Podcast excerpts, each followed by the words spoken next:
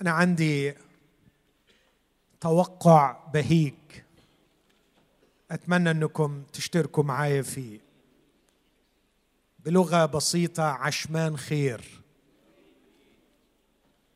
متوقع أن الرب يرجع للإنجيل مكانته في بلدنا.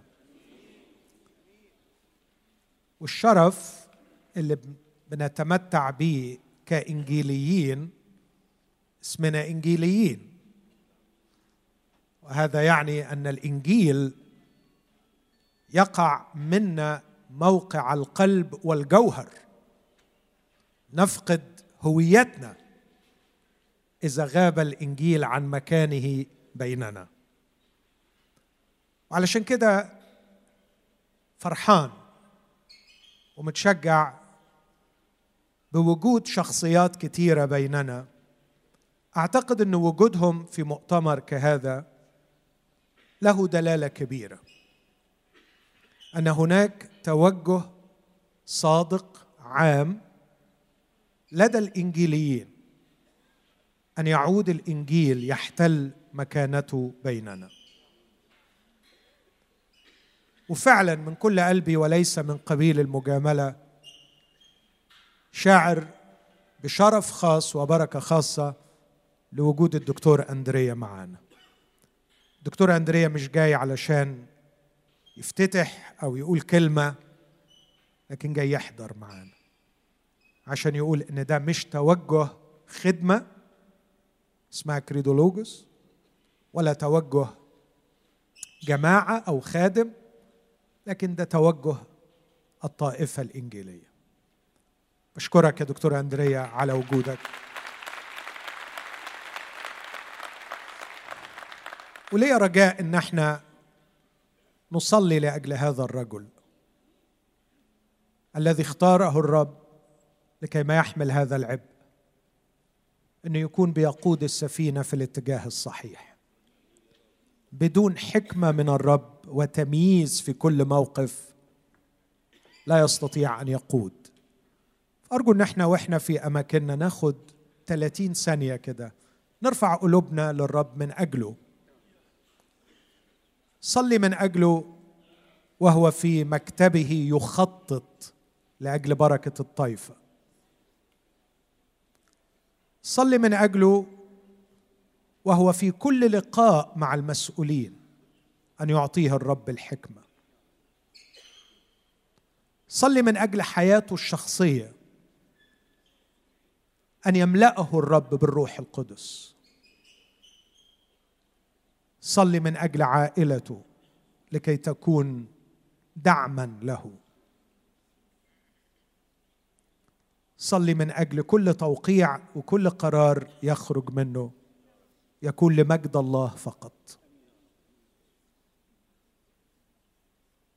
أبانا نستودع أخانا الحبيب بين يديك. راجين رحمتك تحيط. وحكمتك تقود. أنت لك قصد في هذا الجيل. أرجو أن تنعم على عبدك أخينا لكي ما يتمم قصدك. ويقال عنه في النهاية أنه خدم مشورة الله في جيله. أبانا في اسم المسيح اسمع واستجب. آمين. حابب كمان فعلا أقدم شكر خاص على أحبائي رؤساء المذاهب الإنجيلية اللي تركوا أعباءهم وخدماتهم وأتوا لكي يكونوا معنا. أنا ما أعرفش كم رئيس مذهب موجود وكمان أعضاء المجلس الملي اللي أعرف حجم المشغوليات الكثيرة لكن لو موجودين أرجوكم تشرفونا بالوقوف نرحب بيكم. رؤساء المذاهب وأعضاء المجلس الملي. شكرا ليكم لأجل وجودكم معنا الرب يبارككم. الرب يبارككم. وأخيرا اخوتي وزملائي القصوص. أنا دايما بفتخر وبشكر ربنا إني ابن قسيس وإنه ربنا أكرمني أعرف معاناة القصوص. وأعرف أثقال الأسوس. فشكرا لكم لأنكم موجودين معنا أرجو أنهم يقفوا ونصلي جميعا من أجلهم. أرجو من أي قسيس موجود وسطينا إنه يقف. شكرا لأجل مجيئكم. شكرا لأجل خدمتكم. وشكرا لأجل تعبكم. وواثقين إن الرب يعطي حكمة في قيادتكم. آه، أنا هطلب من الأسيس أندريا إنه يجي يصلي من أجل الأسوس. يعينكم الرب ويعطيكم الحكمة لتبني رسالة الإنجيل وتوصيلها في هذه الأيام الصعبة. خلونا نقف ونصلي مع بعض جميعا. يا سيدنا الرب شرفتنا بأن نخدمك. وأعطيتنا امتياز أن ندعو باسم يسوع ربا والها ومخلصا. يا رب أنا بضع كل إخوة الخدام بين يديك القصوص الذين يعلنون كلمة الله. نصلي من أجل حماية من أجل سور من أجل حياة ترضيك وتمجدك من أجل قدوة حقيقية مؤثرة ومغيرة. باركهم احفظهم احفظ أسرهم. افتح أمامهم الأبواب المغلقة. واعطهم يا رب نعمة لكي يكونوا قوة في ملكوتك ليدعوا بالإنجيل وليكن الإنجيل قوة التغيير. يا رب نضع حياتنا بين إيديك. مصلين أن تباركنا وأن تستخدمنا لمجد المسيح. آمين.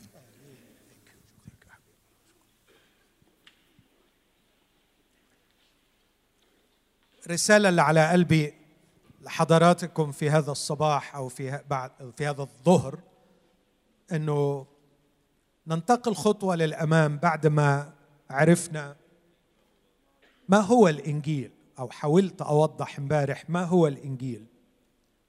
عايز أنتقل خطوة للأمام وأسأل سؤال تاني. هل نحن حقا في احتياج للإنجيل؟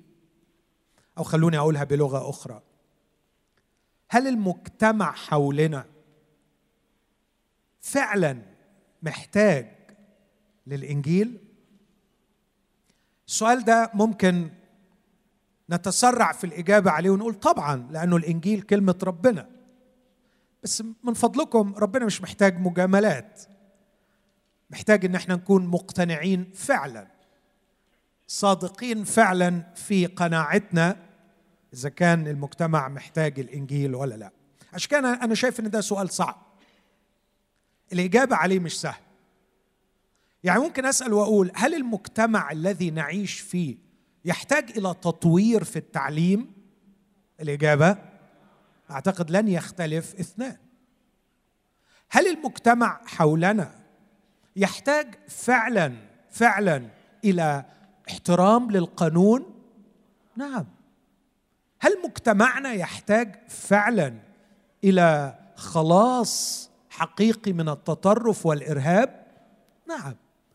مش هيبقى عندنا أي صعوبة نجاوب على أسئلة خاصة بالتعليم خاصة بالصحة خاصة بالإرهاب خاصة بالاقتصاد. كلنا هنقول أيوه فعلا المجتمع محتاج لكده والحاجات دي لو اتغيرت هتفرق في حياة الناس حوالينا. لكن خجلان أقول إنه المؤمنين في مصر لو سألتهم هل المجتمع عندنا يحتاج إلى الإنجيل بذات قدر احتياجه لتطوير التعليم ممكن أحس أنه الإجابة مش هيكونوا واثقين من كلمة نعم. ده اللي عايز أعمله في الاجتماع ده أساعد في هذا الاتجاه. عايز أبين هل مجتمعنا النهارده في 2018 وطبعا أنا لما بقول مجتمعنا هذا لا يعني إن مجتمعنا مختلف عن بقية المجتمعات العالمية. أقدر أعمم وأقول هل المجتمع العالمي كله محتاج إلى الإنجيل. إجابتي نعم لكن أنا لأني لا أدعي إني غصت في بقية المجتمعات وإن كنت أيضا أزعم إني لست يعني جاهلا بما يجري في العالم ومطلع إلى حد ما على ما يجري في العالم وعايشت العالم الغربي والعالم الشرقي ورأيت كيف يعيشون. لكن لأنه أعتقد إن مجال خبرتي هو مجتمعي الحبيب. الناس اللي بتعامل معاهم الناس اللي بتقابل معاهم اللي بقراه وبفهمه واللي بحلله واللي بشوفه في واقعنا المصري. عايز أسأل السؤال هل يحتاج مجتمعنا إلى حق الإنجيل؟ إجابتي نعم. لكن السؤال لماذا يحتاج مجتمعنا إلى حق الإنجيل؟ ده اللي عايز أجاوب عليه باختصار. هستأذنكم نقف مع بعض ونقرأ جزء من كلمة الله من رسالة الرسول بولس إلى المؤمنين في روميا وهبدأ القراءة من الأصحاح الأول. شعار هذا المؤتمر موجود في هذا الأصحاح. في روميا واحد أبدأ القراءة من عدد 16 لأني لست أستحي بإنجيل المسيح لأنه قوة الله للخلاص لكل من يؤمن لليهودي اولا ثم لليوناني. لأن فيه معلن بر الله بإيمان لإيمان كما هو مكتوب أما البار فبالإيمان يحيى. ثم يعرض بولس بعض الحيثيات.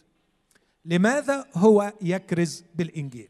فيقول لأن غضب الله معلن من السماء على جميع فجور الناس وإثمهم الذين يحجزون الحق بالإثم. إذ معرفة الله ظاهرة فيهم لأن الله أظهرها لهم لأن أموره غير المنظورة. ترى منذ خلق العالم مدركة بالمصنوعات قدرته السرمدية ولاهوته حتى إنهم بلا عذر.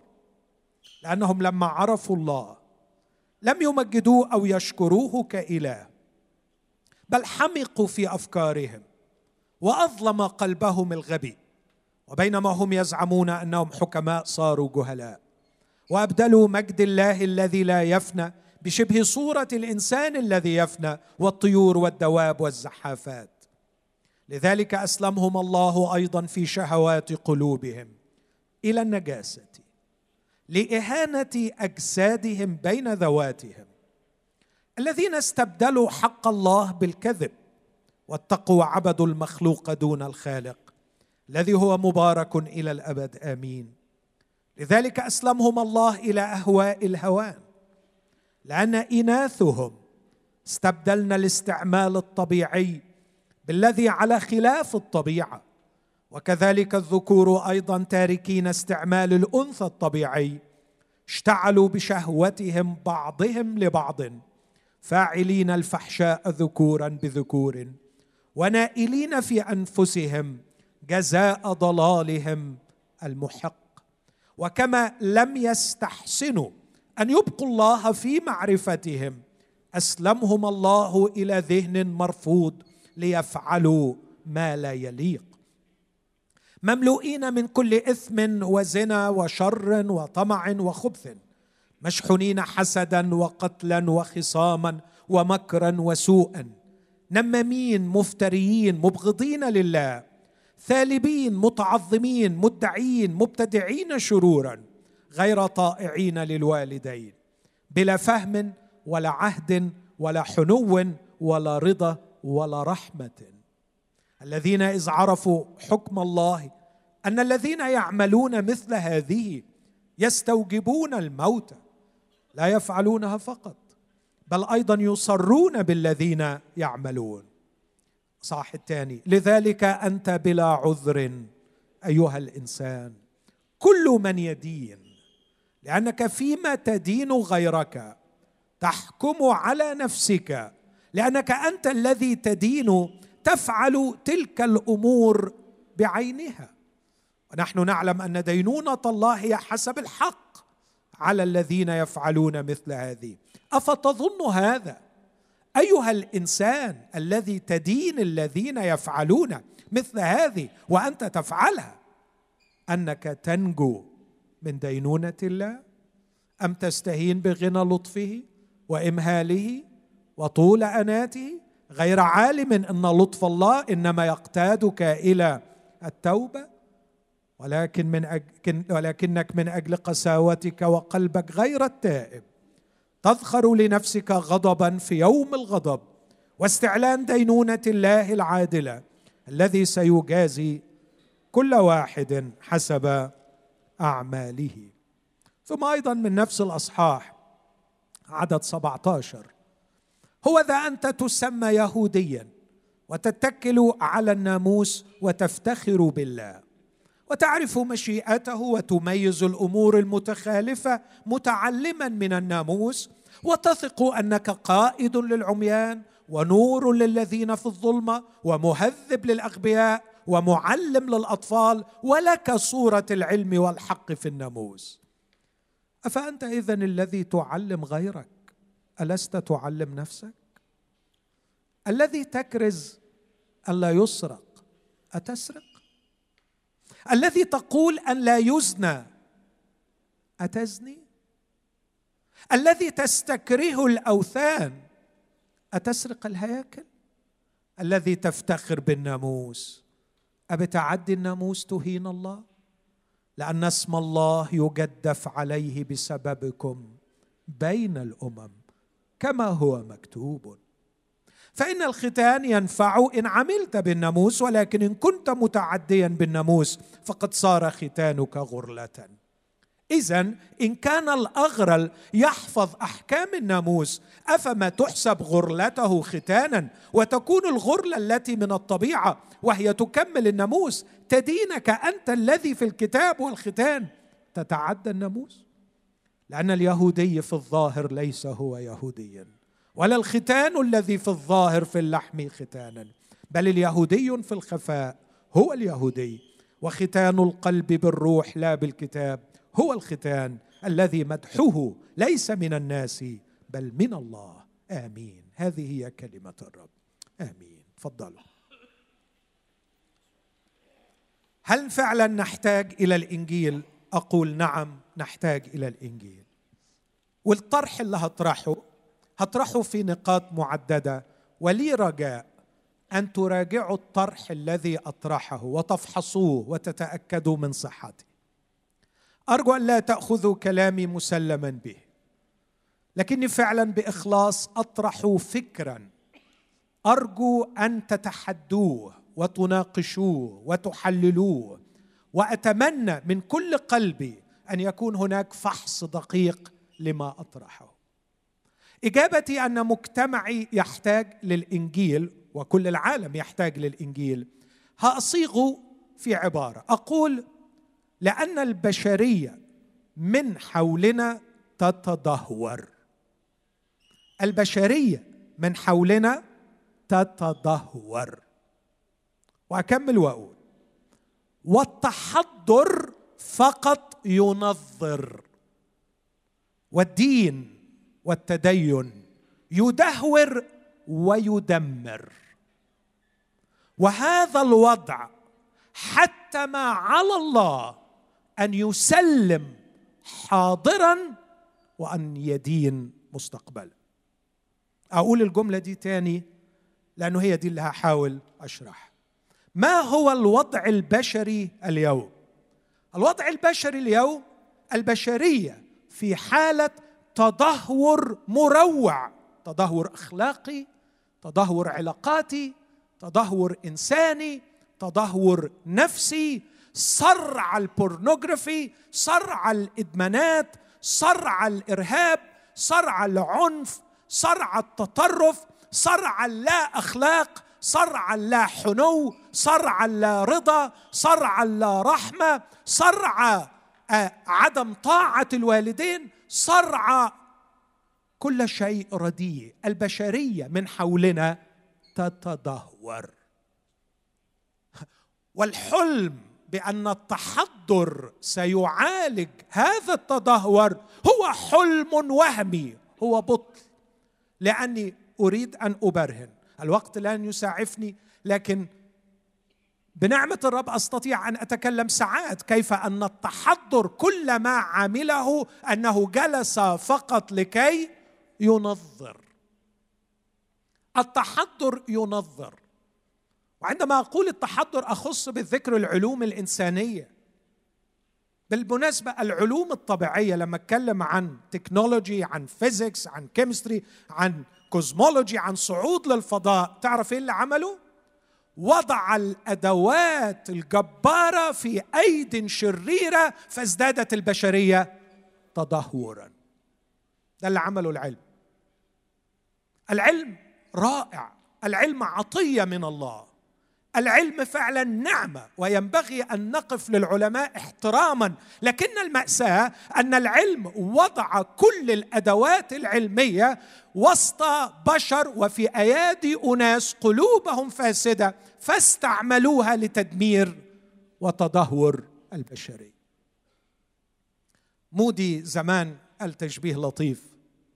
قال لو عندك عامل في السكة الحديد بيسرق القضبان خدته وعلمته وخليته مهندس هيسرق القطر. إذا لم تصلح قلب الإنسان إذا لم تصلح قلب الإنسان العلم سيجعله شريرا أكثر. هيبقى شرير غير كفء بعد ما يتعلم يبقى شرير كفء. لكن عندما أتكلم عن الحضارة أتكلم بصفة خاصة عن العلوم الإنسانية. أتكلم عن الفلسفة أتكلم عن السايكولوجي عن ال sociology عن الانثروبولوجي عن العلوم التي ترت عن الأدب العلوم التي ترتقي بفكر الإنسان. هذه العلوم رغم عظمتها جلست فقط لكي تنظر. لم تستطع أن تصل إلى قلب الإنسان لتغير. كل اللي عملته عملوا الأبحاث رصدوا المتغيرات درسوا التاريخ كشفوا أشياء كثيرة عن الطبيعة الإنسانية. ثم الحقيقة سجلوا لنا كل هذا سجلوه في نظريات سجلوه في إحصاءات سجلوه في فلسفات سجلوه في اقتراحات لكن لم ينزلوا للشارع لقلب الإنسان لكي يغيروا المجتمعات. فالتدهور لم يزل مستمر. إذا كان البشر لم يزالوا مقتنعين أن التحضر هو العلاج فهم في وهم كبير. خلوني أدي مثال. قالوا نيكسون في كتابه نصر بلا حرب. كتاب عمله نيكسون الرئيس السابق لأمريكا. قال مثال واحد. قال في القرن العشرين قامت في العالم أعظم مؤسستين لحفظ السلام في الأرض لنشر السلام في الأرض. عزبة الأمم المتحدة في البداية وقد فشلت فشلا ذريعا وقامت بعدها هيئة الأمم المتحدة. لكي تمنع الحروب في العالم. في القرن العشرين قامت 200 حرب. ضحاياهم أكثر من كل قتلى الحروب في التسعة عشر قرن اللي فاتوا. هذا بعد أن وصل العالم إلى قمة الحضارة.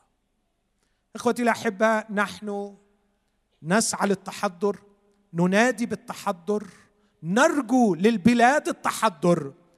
لكني ينبغي أن أكون أمينا وأقول إن الحضارة وقفت فقط لكي تنظر. ولم يزل البشر يحتاجون إلى شيء أكثر من التنظير قوة تغير القلب. وعلى قدر علمي واختباري هذه القوة لا توجد إلا في يسوع المسيح الذي مات وقام هو وحده القادر على تغيير القلب. أذكر في مرة من المرات كنت في الخارج وكنت أتابع أخبار بلدي الحبيب. واحدة من الجرائم الإرهابية كسرت قلبي. فعدت مباشرة وكانت أول خدمة لي تحت هذا العنوان. من أين انطلق الرصاص؟ وتساءلت هذا السؤال. هل انطلق الرصاص من اليد التي لم تجد أمن يردع؟ أم انطلق من العقل الذي لم يجد خطاب يجدد؟ أم انطلقت من القلب الشرير الذي لم يجد رب يغير.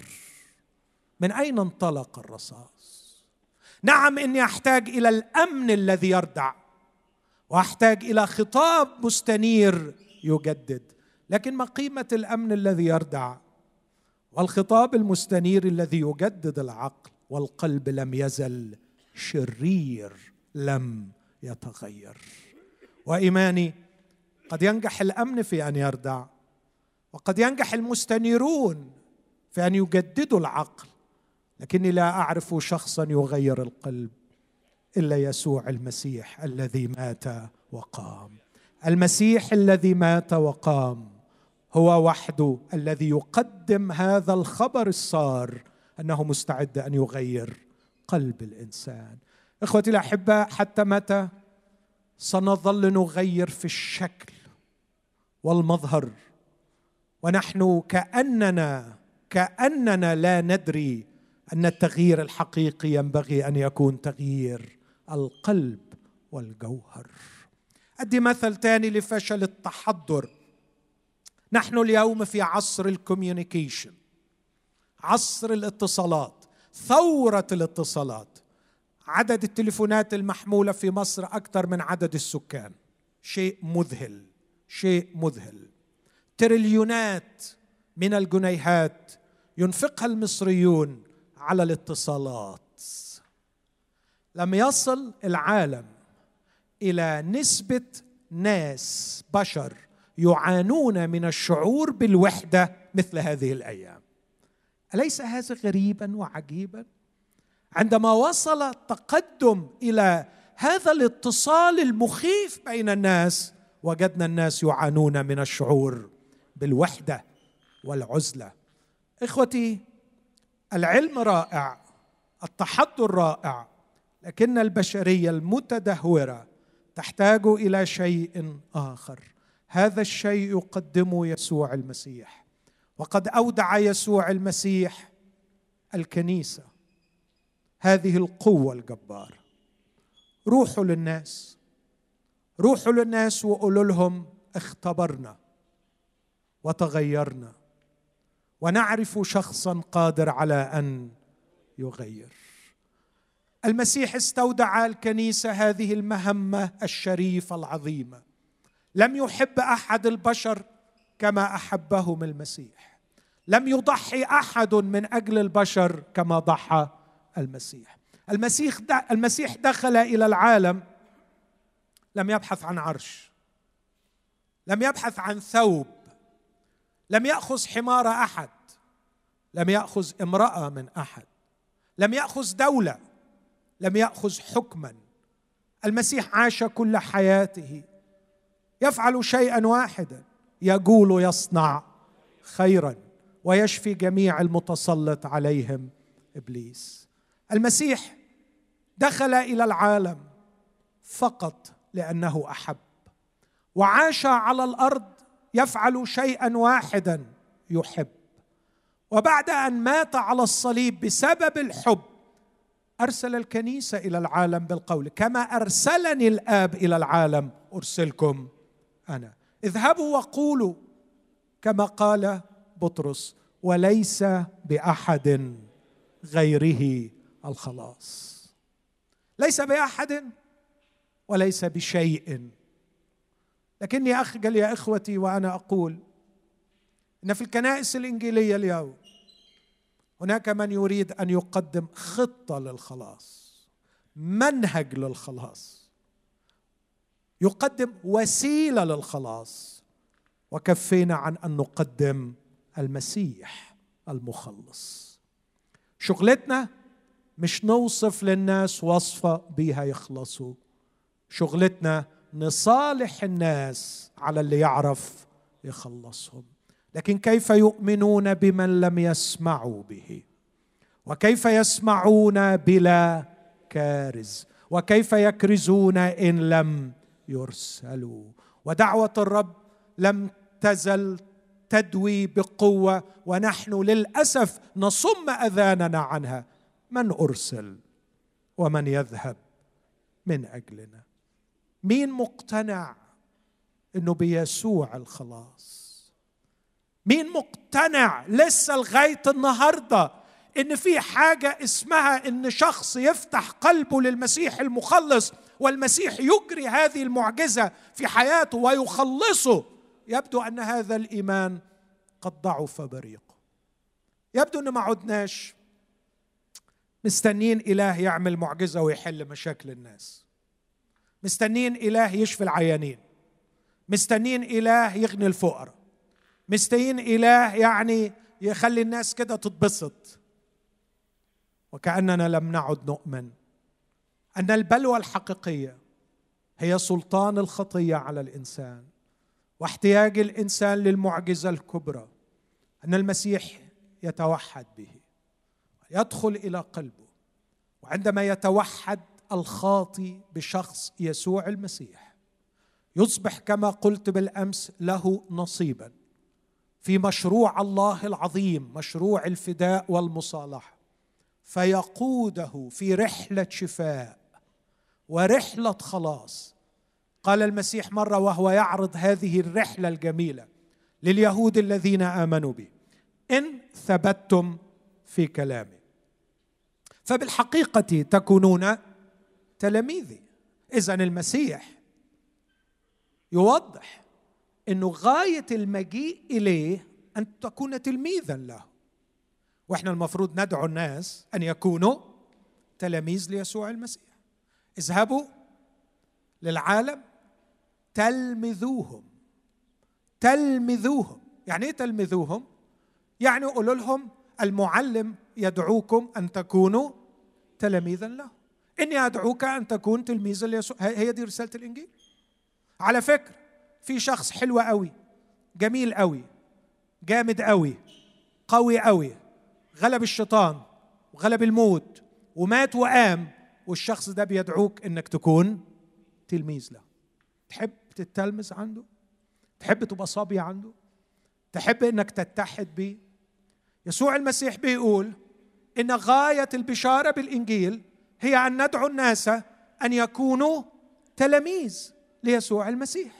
ما الذي يبرهن أن الشخص قبل فعلا هذه الدعوة للتلمذة ليسوع المسيح أن يثبت في كلامه؟ كلمة إن ثبتتم في كلامي يعني إن أقمتم في كلامي. أكبر دليل يؤكد لي إنك مخلص فعلا. أنت ما كنتش جاي الكنيسة عشان تاخد بوليس التأمين ضد الجحيم ولا جاي الكنيسة عشان تاخد علاج ضد الشعور بالذنب ولا جاي الكنيسة عشان ترتبط بجماعة حلوة أو علشان ربنا بقى القوة العليا دي يشفي الأمراض ويجوز البنات ويلاقي شغل للاولاد ويعمل كل المشاكل ويحل كل المشاكل اللي إحنا محتاجينها علشان فعلا يتبرهن إنك غاوي تلمذة ليسوع وإنك جيت علشان عايز تبقى تلميذ ليسوع إن لاقيك مقيم إقامة كاملة في الكلمة. وبعدين يقول إن ثبتتم في كلامي فبالحقيقة تكونون تلاميذي. وسينطلق القطار بكم في رحلة جميلة يعنونها هذا العنوان تعرفون الحق والحق يحرركم. البشرية تتدهور. والتحضر ينظر. لكن ممكن وده حصل في عالمنا بصفة خاصة. لا أملنا مش في التحضر أملنا في التدين. لذلك سنلجأ للتدين. وأنا أترك لكل مفكر جريء أن يجيب عن هذا السؤال. هل التدين ساهم في تطوير الإنسان؟ هل التدين ساهم في منع وإيقاف تدهور الإنسان. أحيانا ببقى مكسوف وأنا برد على بعض أصدقائي الملحدين. واحد منهم رفع شعار religion poisons everything. الدين يسمم كل شيء. وبيجيبوا إحصاءات وبيقولوا أرقام عن كيف أن المتدينين يتميزوا بالكبرياء. وبالتعالي على الآخرين وأنهم يستغلون الدين لكيما يشعروا بالأفضلية على بقية الناس. وهم في هذا العصر الذي نعيشه كثيرا ما ترى وراء الجريمة والتدهور ليس الانفلات الأخلاقي لكن التدين. ولما أقول التدين أقول التدين المسيحي قبل أي تدين آخر. التدين هو التدين. التدين هو التدين. ما أطرحه يا أحبائي ليس نظرية خاصة بي لكن ما ذكرته منذ أن وقفت حتى الآن هو خلاصة رميه واحد واثنين وثلاثه في رميه واحد الرسول بولس بيبرهن لماذا أو يقدم الإجابة لماذا لا يستحي بإنجيل المسيح؟ بيقول علشان الآتي وأنا قريت جزء وأرجو لما نرجع نقرأ الأجزاء دي تاني. أنا بس أرجو من المسؤولين عن ال sound system يرفعوا لي الميكروفون سنة أو الصوت سنة. بولس قال لست أستحي بإنجيل المسيح. وبعدين قال شكرا. قال لأن غضب الله معلن من السماء على جميع فجور الناس وإثمهم.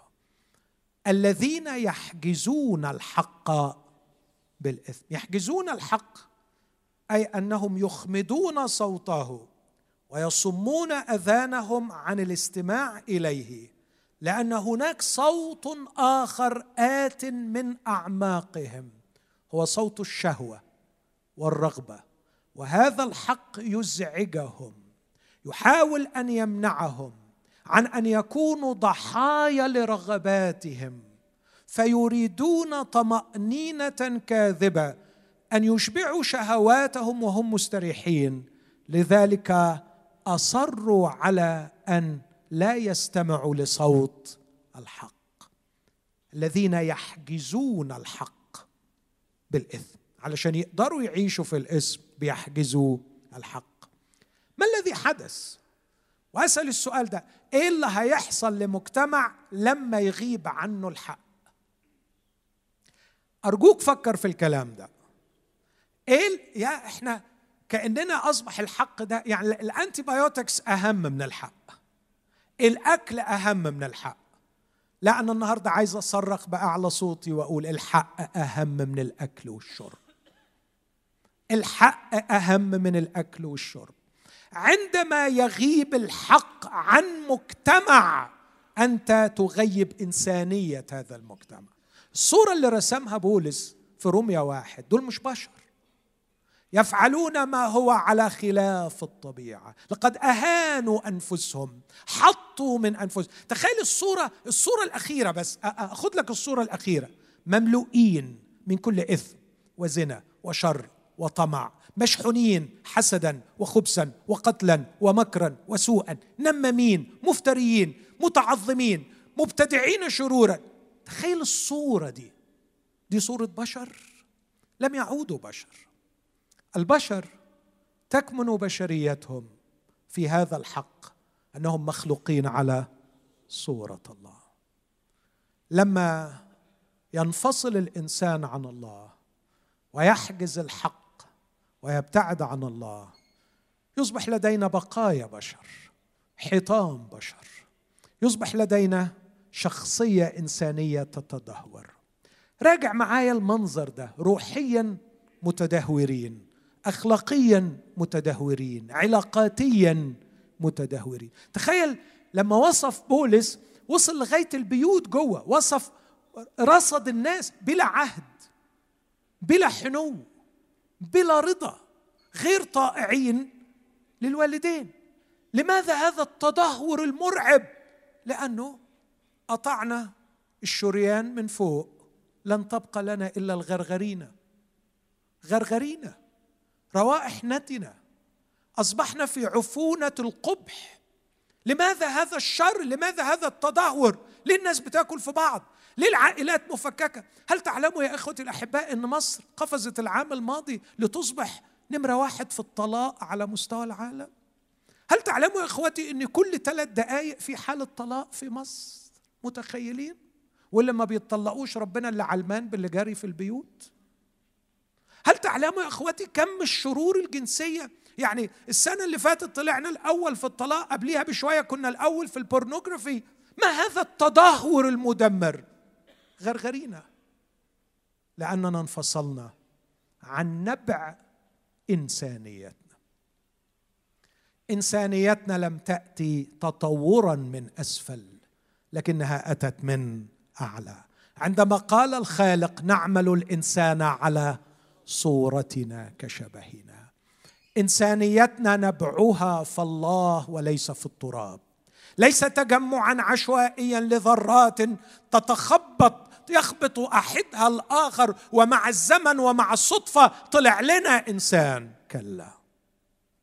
لكن الإنسان أتى من الله. كل حيوان كجنسه كجنسه كأجناسها. لكن عند الإنسان كشبهنا. كشبهنا. إن نبع الإنسانية هو الله. وعندما ننفصل عن الله أول شيء يضيع مننا هو إنسانيتنا. الإنسانية تدهورت بسبب الانفصال عن الله. وعلشان كده بقول إن الإنجيل هو اللي هيرجع للإنسان إنسانيته وأخلاقه وروحانيته لسبب بسيط. إنه الإنجيل بيتكلم عن شخص سيصالح الإنسان مع الله. المسيح يسوع الذي مات وقام والذي نقدمه لكل إنسان مخلص باحث عن استعادة إنسانيته هو مسيح. أحب الإنسان وجاء لكي يكون وسيط بين الله والإنسان يصالح الإنسان مع الله أن يرجع الإنسان إلى نبع إنسانيته فيعود الإنسان إنسانا. نحن لا نكرز بالنجاة من الجحيم. لا نكرز بجنة يدخل الله إليها المتقين. نحن نكرز بالمسيح الذي يخلص الإنسان فيرجع إليه إنسانيته يخليه إنسان يخليه شخصيته الفريدة تبان. يرجع له الغرض الذي من أجله خلق. يرجعه بيعرف يدخل في علاقات صح. ويعرف يحترم قوانين صح. ويعرف يعيش بأخلاق صح. امسكوا من فضلكم من فضلكم. امسكوا الواحد وعشرين صفة أخلاقية البشعة اللي بولس قالها هنا وحطوا عكسها. وتخيلوا الصورة المثالية اللي ممكن نكون فيها. تخيل لما يقول بلا فهم. نحط بدلها فهم. بلا عهد التزام وأمان. بلا حنو مليانين. بالحنان. بلا رضا ساتسفاكشن ورضا وناس مبسوطين. غير طائعين للوالدين طائعين للو... حاول تتخيل كده عكس الصفات ال 21 دول. وقول لي هنشوف إيه بيننا. إننا نعيش بشرية تتدهور. والتحضر فقط وقف لكي ينظر. وده اللي بيقوله بولس بقى ابتداء من أصحاح اثنين. يعني فصاح واحد من عدد 18 لعدد 31 كل اللي بيعمله بولس بيقول إن الناس دول تدهوروا أن البشرية تتدهور. لكن في أصحاح اثنين بدأوا بهذا القول. أنت بلا عذر أيها الإنسان كل من يدين لأنك فيما تدين غيرك تحكم على نفسك لأنك تفعل تلك الأمور. عينة أفتظن هذا أيها الإنسان؟ الذي يدين غيره وهو يفعلها أنك تنجو من دينونة الله. بيكلم مين هنا؟ بيكلم الجماعة اللي قعدوا على المكاتب وحطوا رجل على رجل وقالوا لا لا لا لا لا, لا. عدم احترام العيلة غلط. عدم احترام القانون غلط. لا ما يصحش ابدا إن الناس تتصرف بالشكل ده. لا لازم نطلع كتاب عن أهمية احترام العلاقات وأهمية الالتزام وأهمية الحنو وأهمية وهات يا كتب وتطلع يا أخويا الكتب من هنا. وبعدين نقلب في حياة الشخص اللي ألف في الكتاب ونلاقيه كان مهبب أكتر من اللي بيكتب عنه. حصل ولا ما حصلش؟ يعوزني الوقت أن أسرد لكم عدد المنظرين. اللي قادوا برامج تلفزيونية وبرامج إذاعية وكتبوا كتب وفي النهاية اكتشفنا الواقع المؤلم أنهم كانوا فقط ينظرون. رسول بولس بيقول لهم كفى استهتارا بالناس. فقط كل اللي قاعدين تعملوه تدين غيرك وأنت تفعل تلك الأمور عينها. قل لي من فضلك ما قيمة ما قيمة أن تقدم نصيحة أنت لم تعمل بها. ما قيمة أن تصف علاجا أنت لم تجربه وأنت تعاني من نفس المرض. ده اللي بيعملوه المنظرين. لكن بولس انتقل بسرعة في النصف الثاني من الأصحاح الثاني من رسالة روميا لكي يناقش طرح آخر قدم لأجل إيقاف تدهور البشرية وهو الطرح الديني. فحول كلامه من الحديث إلى اليونانيين المتحضرين اللي قاعدين ينظروا ووجه كلامه إلى اليهود. والحقيقة كان بولس يعني أصعب مني مليون مرة. يعني أنا طيب قوي بالنسبة لبولس. كان ساركاستيك كان فظيع في سخريته. بص اللغة اللي بيتكلم بيها المتدينين. هو إذا أنت تسمى يهوديا تتكل على الناموس وتفتخر بالله. افتخر بالله. إحنا بتوع بتوع ربنا. وأنا برضو نفسي أقول لك خلي بالك من بتوع ربنا. خلي بالك من بتوع ربنا. يعني إيه يعني خلي بالك؟ يعني خلي بالك من اللي بيحاول يصدرك لرسالة إن هو بتاع ربنا.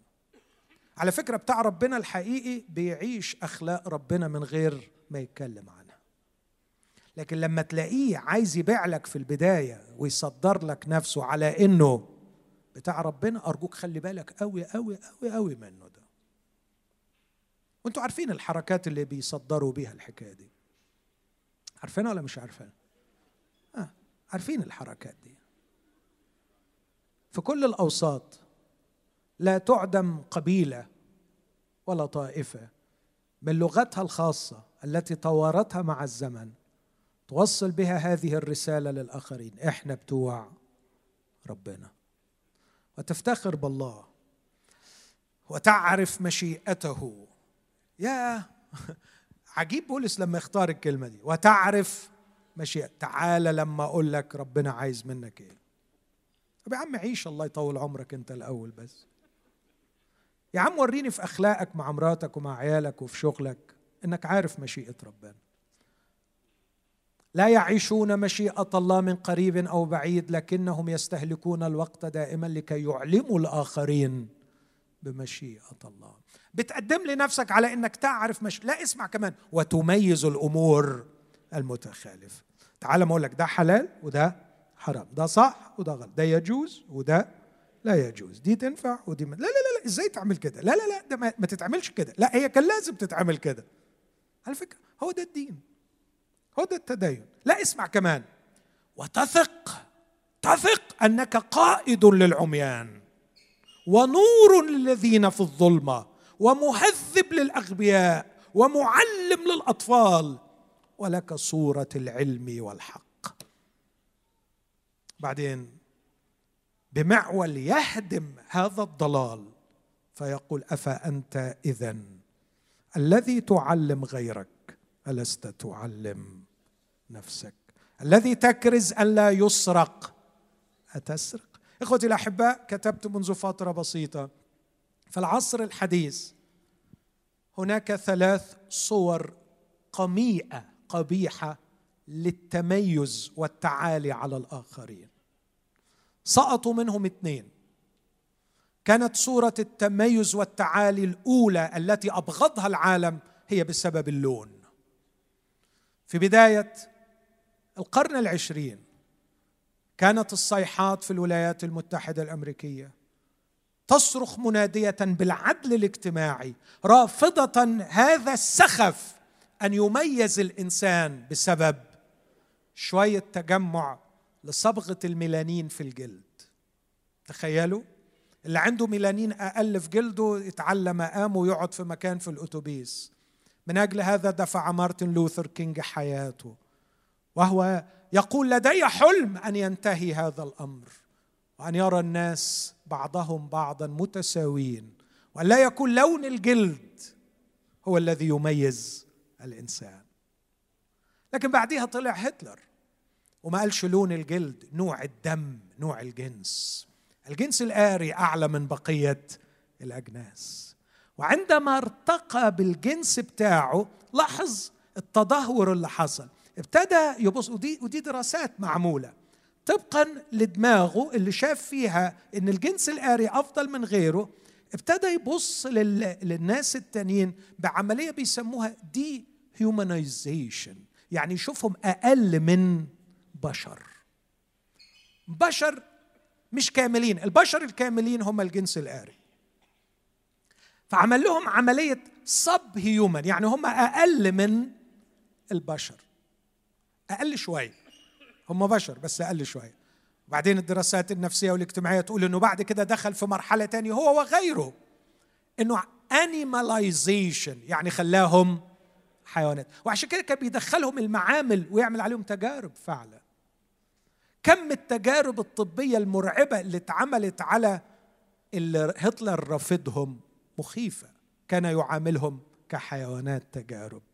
لكن بعد كده يوصل لمرحلة ثالثة يسموها ديمونايزيشن شيطنتهم. فهم شياطين. وما داموا شياطين فنحن سنحارب لأجل الله ونبيدهم لكي نحقق النصر على الشيطان. كان هذا هذا التمييز الغبي على أساس نوع الدم والعرق. تمييز اللون ثم تمييز العرق. لكني أعتقد أننا نعيش أسوأ مراحل التاريخ البشري لأننا لا نعاني تمييز اللون ولا تمييز العرق لكن تمييز الدين تمييز العقيدة. ونفس المنهج. ما دام عقيدتك مختلفة عني فإني أراك أقل من بشر ثم أراك حيوانا ثم أشيطنك وهنا يتحتم علي أن أقتلك. هذا ما فعله التدين. التدين لم يحضر البشرية. التدين قدم للبشر شيئا واحدا وأن أعطاهم فرصة أن يتعالوا على الآخرين. ويشبع الرغبة الدنيئة في أني أشعر بأني أفضل من الآخرين. جاء المسيح ليقول شيئا مختلفا. جاء ليقول لا تمييز. لا يوجد أحد أفضل من أحد. الجميع زاغوا وفسدوا معا. ليس من يعمل صلاحا ليس ولا واحد. جاء المسيح لكي يقول أن الخلاص بالنعمة بدون استحقاق. إن الفقير والغني ينالون الخلاص بنعمة الله. إن الفاجر والمهذب كلاهما يحتاجان إلى نعمة الله. جاء المسيح لكي يقول أن الإنسان أفضل من السبت. فالسبت جعل من أجل الإنسان وليس الإنسان من أجل السبت. جاء المسيح لا لكي يقدم ديانة جديدة جاء المسيح لكي يخلص الإنسان من ورطته بأن يصالحه مع الله ويقوده في رحلة رحلة شفاء يسترجع فيها إليه إنسانيته. انسانيته التي فقدها بانفصاله عن الله. انسانيته التي ضاعت وإرساليته التي غابت بسبب عدم معرفة الغرض الذي من أجله قد خلق. لما بخلص بتغير من جوه وبلاقي الغرض من بره مخلوقين في المسيح يسوع لأعمال صالحة قد سبق الله فأعدها لكي نسلك فيها. لكن في شيء ثالث وأختم به كلامي. لماذا نحتاج إلى الإنجيل؟ لأن البشرية تتدهور. والتحضر فقط ينظر والتدين دهور ودمر. لكن لاحظوا هذا التدهور اسمعوني أحبائي اسمعوني يسمع الله لكم. دي دعوة ليكم يعني. بس بشرط إنكم تسمعوني. اسمعوني يسمع الله لكم.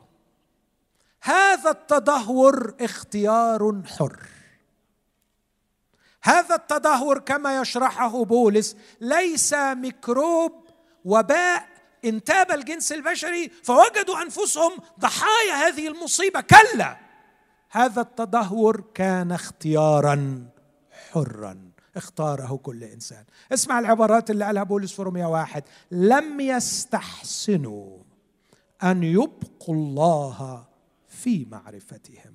أسلمهم الله إلى ذهن مرفوض. لاحظوا أحبائي هذا الأصحاح يركز بقوة على حرية الإنسان. انها بدعة كبيرة اليوم يحاولوا أن يسوقوها لنا. أن الإنسان كائن هناك عوامل تحتم عليه ما يكون. الذين ينادون بالديترمينزم بالحتمية إنما يكذبون على البشر. الإنسان كائن حر. وهو الذي يختار. لاحظ العبارات. الذين يحجزون الحق. الذين استبدلوا حق الله بالكذب. الذين أبدلوا مجد الله الذي لا يفنى بشبه صورة الإنسان الذي يفنى. الذين لم يستحسنوا أن يبقوا الله في معرفتهم. يبدأ الأمر باختيار حر غبي. إنك تصدق صورة غلط عن الله. الأصح ده بيثبت كده ان أم كل المشاكل أم كل الخطايا هي إنك تبدأ بصورة خاطئة عن الله. وأنا أسيب السؤال ده لضمائركم. حق الله الذي استبدل بالكذب ما هو حق الله؟ يقول استبدلوا حق الله بالكذب. يعني الحق الخاص بشخصية الله. يعني مين هو؟ الله. هل حق الله غاب أم لم يغب؟ هل صورة الله تشوهت؟ أم لا. كنت في نقاش هذا الأسبوع وأقدر الخصه كله كله مبني على تصور خاطئ عن الله. من هو الله؟ مين هو الله؟ وإحنا قاعدين نايمين أيمين منقوعين وسط تصورات خاطئة عن الله. ولا نقوم بواجبنا. لكن أرجع تاني وأقول هو اختيار حر. هذا الاختيار الحر حتم شيئين. حتم أن الله يسلم حاضرا ويدين مستقبلا. عشان كده الاصح ده ثلاث مرات تتكرر فيه كلمة فأسلمهم الله. يعني إيه أسلمهم الله؟ يعني الناس كانوا قاعدين في أمان الله. راح ربنا واخدهم من حتة وراح مسلمهم للبلوى اللي هم فيها دي؟ لا. لا لو فهمتها كده تبقى غلطان. مش الله هو الذي سيلهمك فجورك.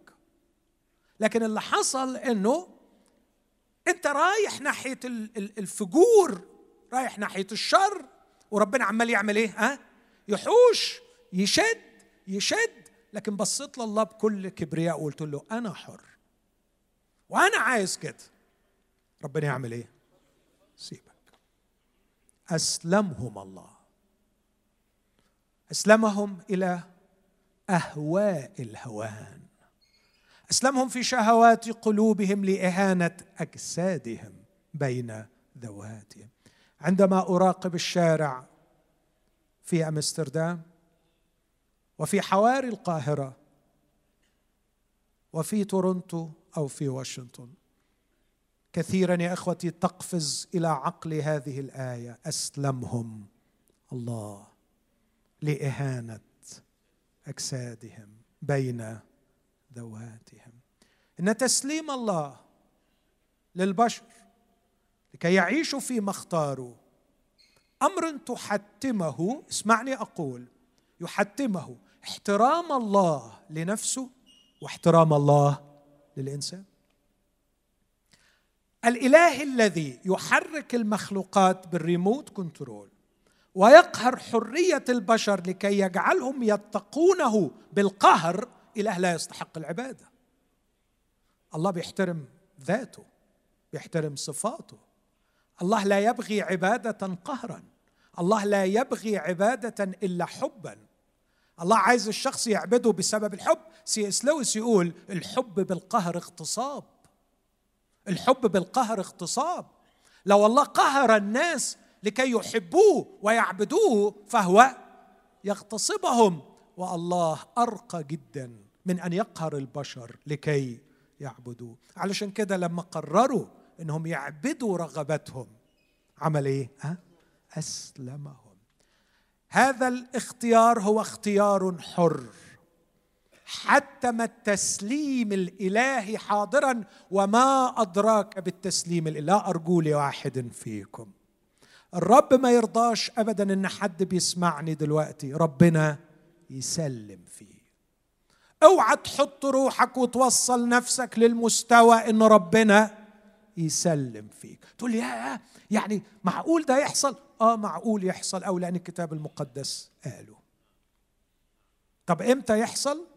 لما تبقى عارف إنها غلط ومصر عليها. وربنا بيقول لك ده ما ينفعش. ده هيضرك. ده هيأذيك. وعلى فكرة عندي مخلص. مستعد يخلصك. لكن انت مصر عليها. يسلم. أسلمهم الله. ثلاث مرات يقول أسلمهم أصعبهم آخرها. أسلمهم الله إلى ذهن مرفوض لكي يفعلوا ما لا يليق. في اليونانية العبارة جبارة وعظيمة.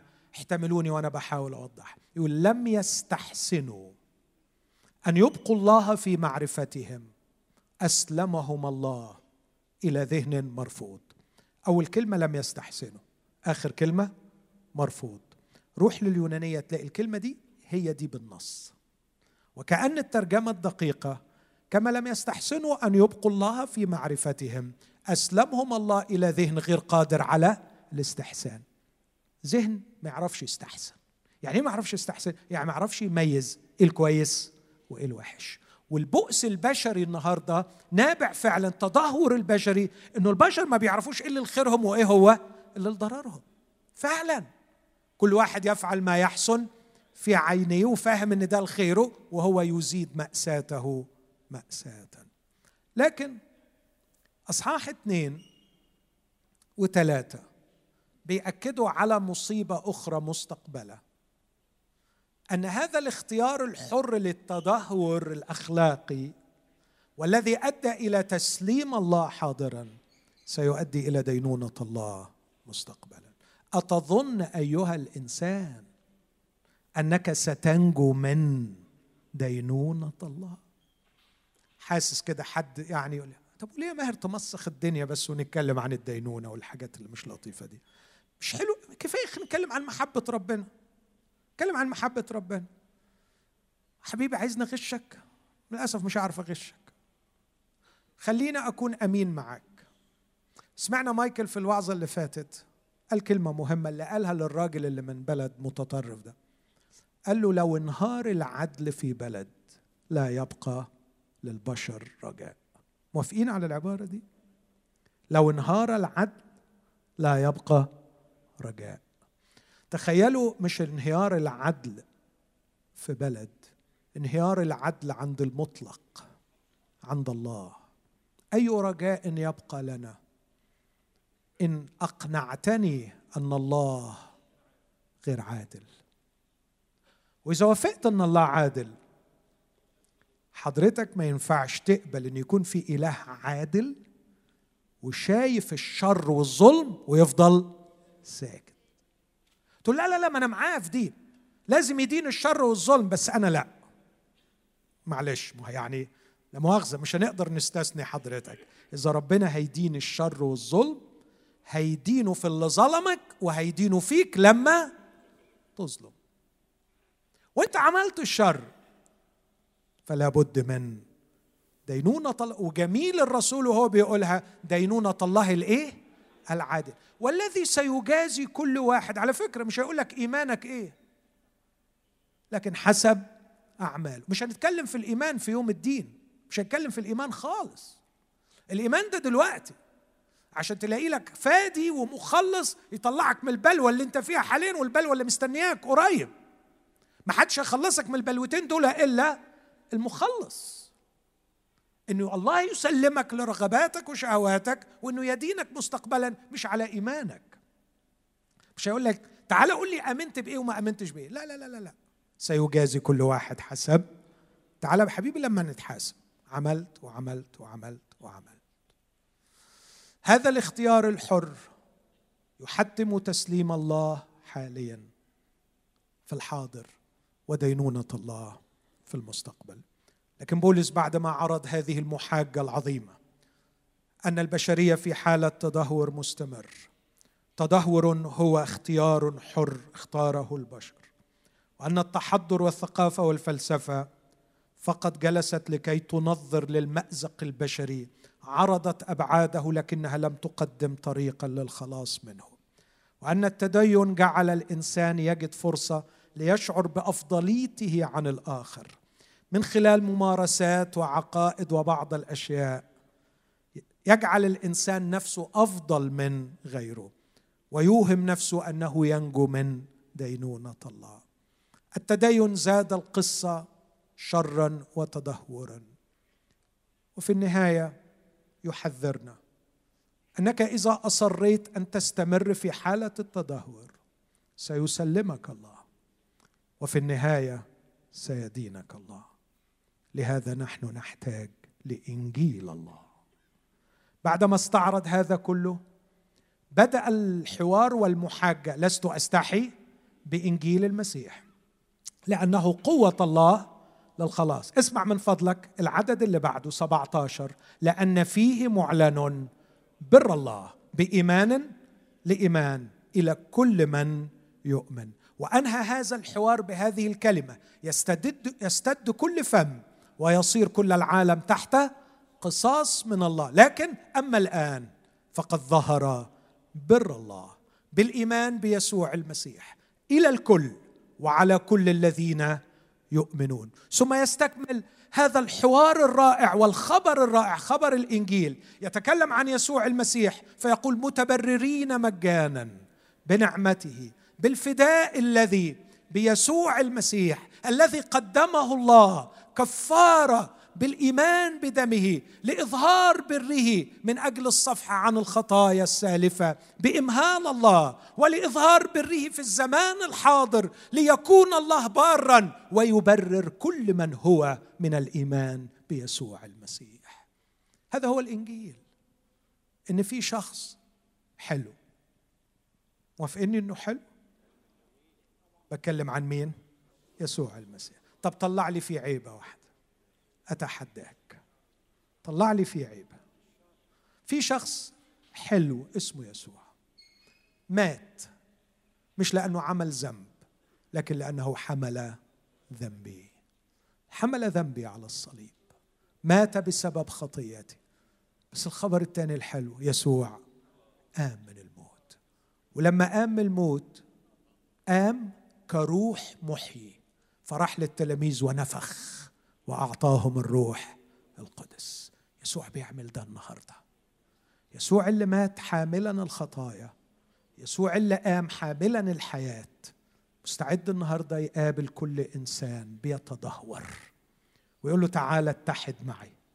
آخذ خطاياك عنك وأبعدها إلى الأبد كبعد المشرق عن المغرب. وأنفخ فيك نفخة حياة. فيقف تدهورك وتبدأ رحلة صعود وتطور من مجد إلى مجد إلى تلك الصورة عينه. كم واحد في القاعة دي عارف الشخص ده؟ كم واحد مصدق في الشخص ده؟ إذا كنت عارفه ومصدق فيه من فضلك روح لغيرك وقدمه للناس. روح للي حواليك اللي حالهم متدهور وقول لهم بيسوع الخلاص. خلونا نقف مع بعض. نسبح هذا الشخص نكرمه ونصلي أن يعطينا الرب أن نعلن قوة إنجيل. لماذا نحتاج إلى الإنجيل؟ لأن البشرية تتدهور لأن التحضر فقط ينظر لأن التدين يدهور ويدمر. ولأن هذا الاختيار لأن هذا التدهور هو اختيار حر فالله الآن يقضي بالتسليم. في الحاضر يسلم الإنسان وسيدين في المستقبل. لكن الخبر الرائع يوجد مخلص. اسمه يسوع.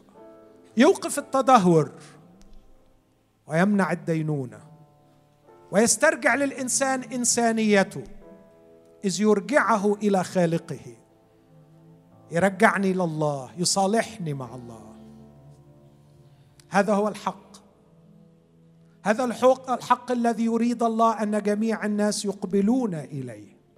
يوجد إله واحد ووسيط واحد بين الله والناس. الإنسان يسوع المسيح الذي بذل نفسه فدية لأجل الجميع. سنة 45 اتدمرت ألمانيا تماما وكانت مجموعة من الخرائب وكان الرئيس في ذلك الوقت إيديناور كونراد هو مستشار ألمانيا. وزار بلجريهم ألمانيا في كارثتها الكبرى. زارها لكي يكرز بإنجيل المسيح. وابتدأ بأنه زار المستشار في مكتبه. ونظر معه إلى الخرائب والدمار التي خلفتها الحرب. جيل بأكمله قد أبيد. مواليد 1922 في ألمانيا بقي منهم 3000 شخص. لقد ماتوا في الحرب ودمرت ألمانيا. نظر كونراد إلى بليغريهم وقال له مستر بليغريهم هل تؤمن بقيامة المسيح؟ قال له بليغريهم مستر كونسلر أنا مبشر لو لم يكن المسيح قد قام ليس لدي إنجيل أبشر به. قال مستشار ألمانيا لولا إيماني بقيامة المسيح. ما كان رجاء لألمانيا ولا رجاء للعالم كله. وفي خلال ثمان سنوات أرجع ألمانيا إلى قمة العالم لأنه آمن بقوة قيامة المسيح. أحبائي لا يوجد رجاء لأي إنسان إلا في إنجيل المسيح. المسيح المسيح هو الرجاء الوحيد.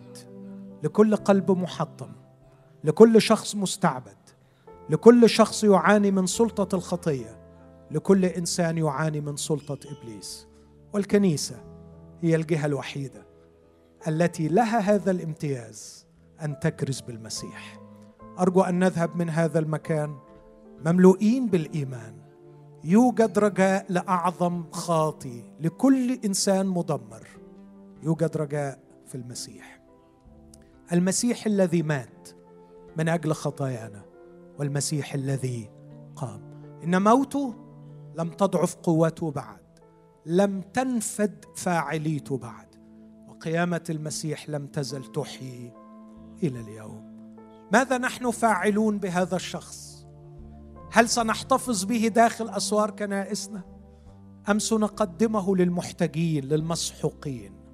ربما تسأل وهل هناك من يحتاجون إليه؟ إنهم حولك وقريبين جدا منك. اطلب من الرب أن يفتح عينيك على العطاش الذين يصرخون طلبا لحق الإنجيل.